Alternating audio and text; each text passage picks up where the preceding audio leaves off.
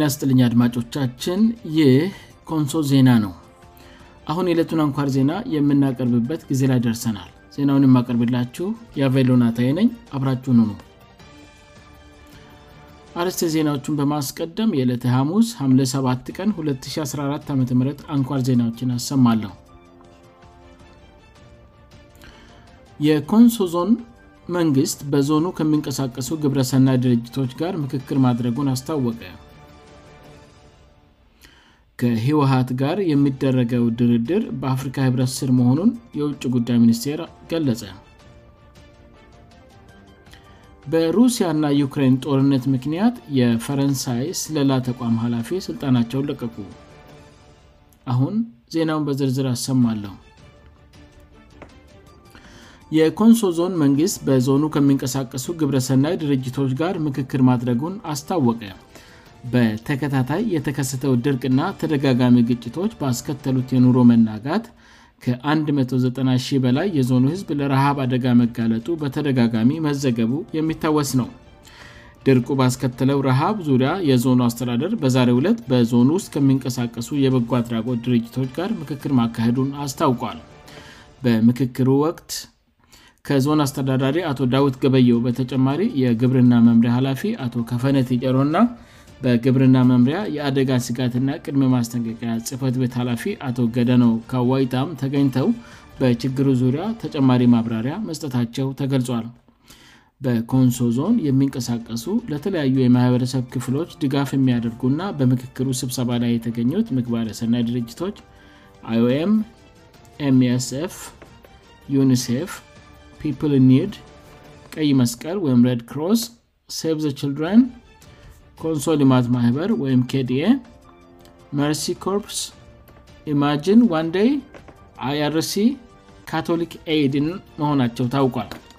በተመሳሳይ ዜና በዞኑ ረሃብ መከሰቱ በተሰማበት ወቅት የከፋ አደጋ ላይ ለወደቁ ዜጎች 50 ኩንታል አስቸኳይ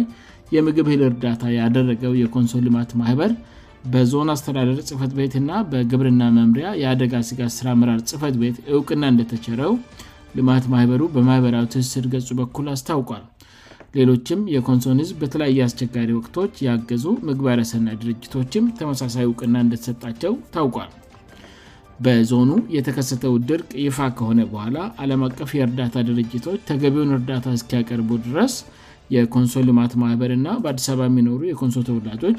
ቅድሚ ሀላፍነት ወስደው የኮንሶ ምሁራንና ነጋዴዎችን በማስተባበር አስቸኳያ እርዳታ በማሰባሰብ ላይ መሆናቸው ይታወቃል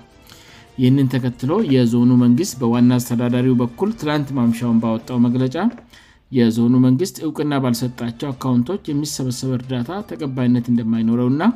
እርዳታ በማሰባሰብ ላይ ያሉ አካላት ያሰባሰቡትን እርዳታ የዞኑ መንግስት ላቋቋመው የሀብት ማሰባሰብ ግብር ኃይል እንዲያስረክቡ መጠየቁን ተከትሎ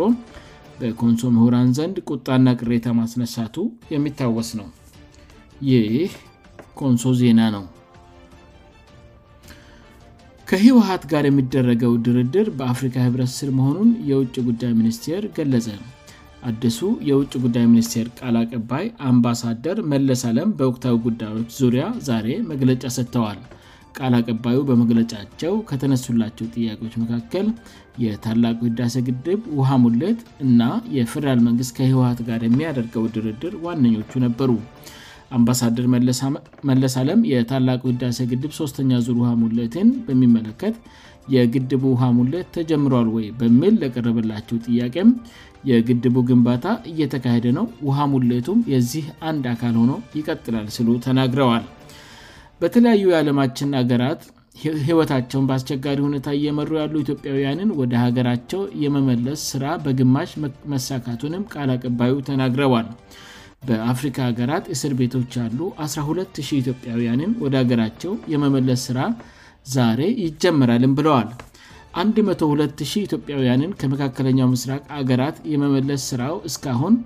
126 በረራዎችን በማድረግ 50 ዜጎችን ወደ አገራቸው መመለሳቸውን አምባሳደር መለስ ገልጸዋል አምባሳደር መለስ ድርድርን በተመለከተ ለቀረበላቸው ጥያቄም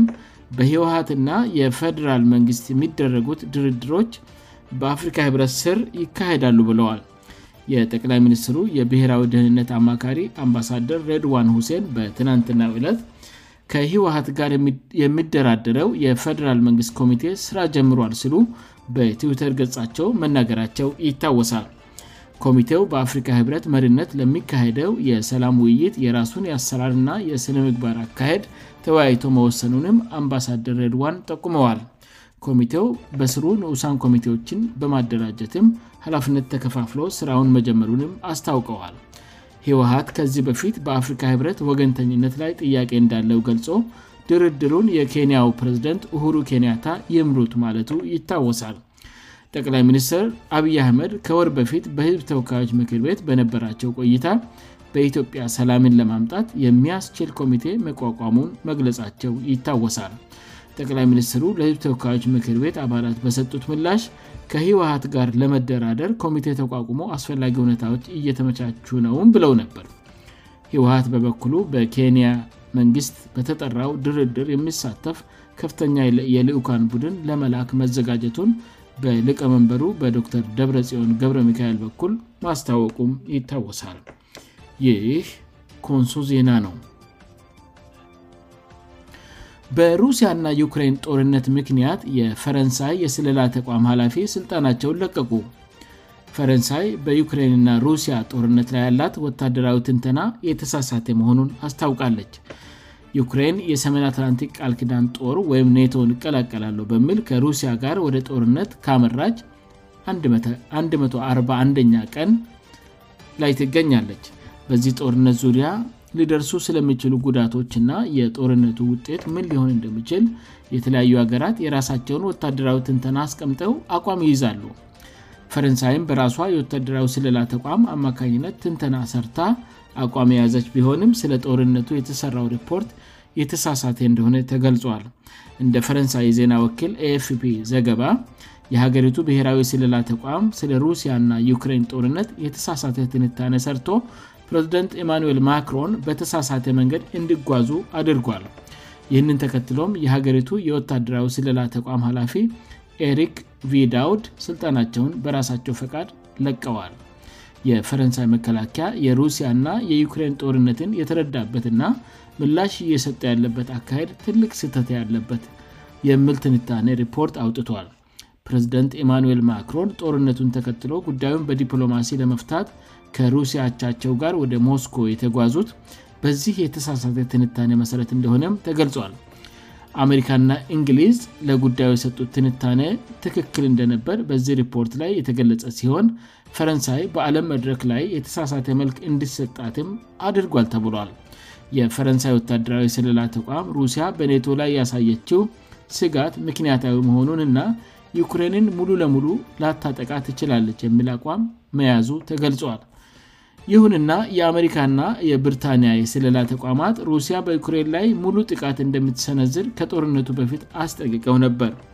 ይህ የፈረንሳይ ወታደራዊ ተቋም ፈረንሳይ ለጦርነት ያላትን ግምት እንድታሳንስእና ጦርነቱ በፈረንሳውያንና ለተቀረው አለም ስለሚያስከትለው ጉዳት የተዛባይታ እንድኖራት እንዲሁም ጉዳቱን ለመቀነስ ከአቻ ሀገራት ያነሰ ሚና እንድትጫወት እንዳደረጋት በዘገባው ተጠቅሷል ይህ ኮንሶ ዜና ነው አድማጮቻችን ዜናውን ከማብቃት በፊት አርስ ዜናዎቹን በድጋሚ አሰማለሁ የኮንሶ ዞን መንግሥት በዞኑ ከሚንቀሳቀሱ ግብረሰናይ ድርጅቶች ጋር ምክክር ማድረጉን አስታወቀ ከህወሀት ጋር የሚደረገው ድርድር በአፍሪካ ህብረት ስር መሆኑን የውጭ ጉዳይ ሚኒስቴር ገለጸ በሩሲያና ዩክሬን ጦርነት ምክንያት የፈረንሳይ ስለላ ተቋም ኃላፊ ስልጣናቸው ይለቀቁ ዜናው በዚያ በቃ አድማጮቻችን የዕለቱ አንኳር ዜናዎቻችን ይህን ይመስሉ ነበር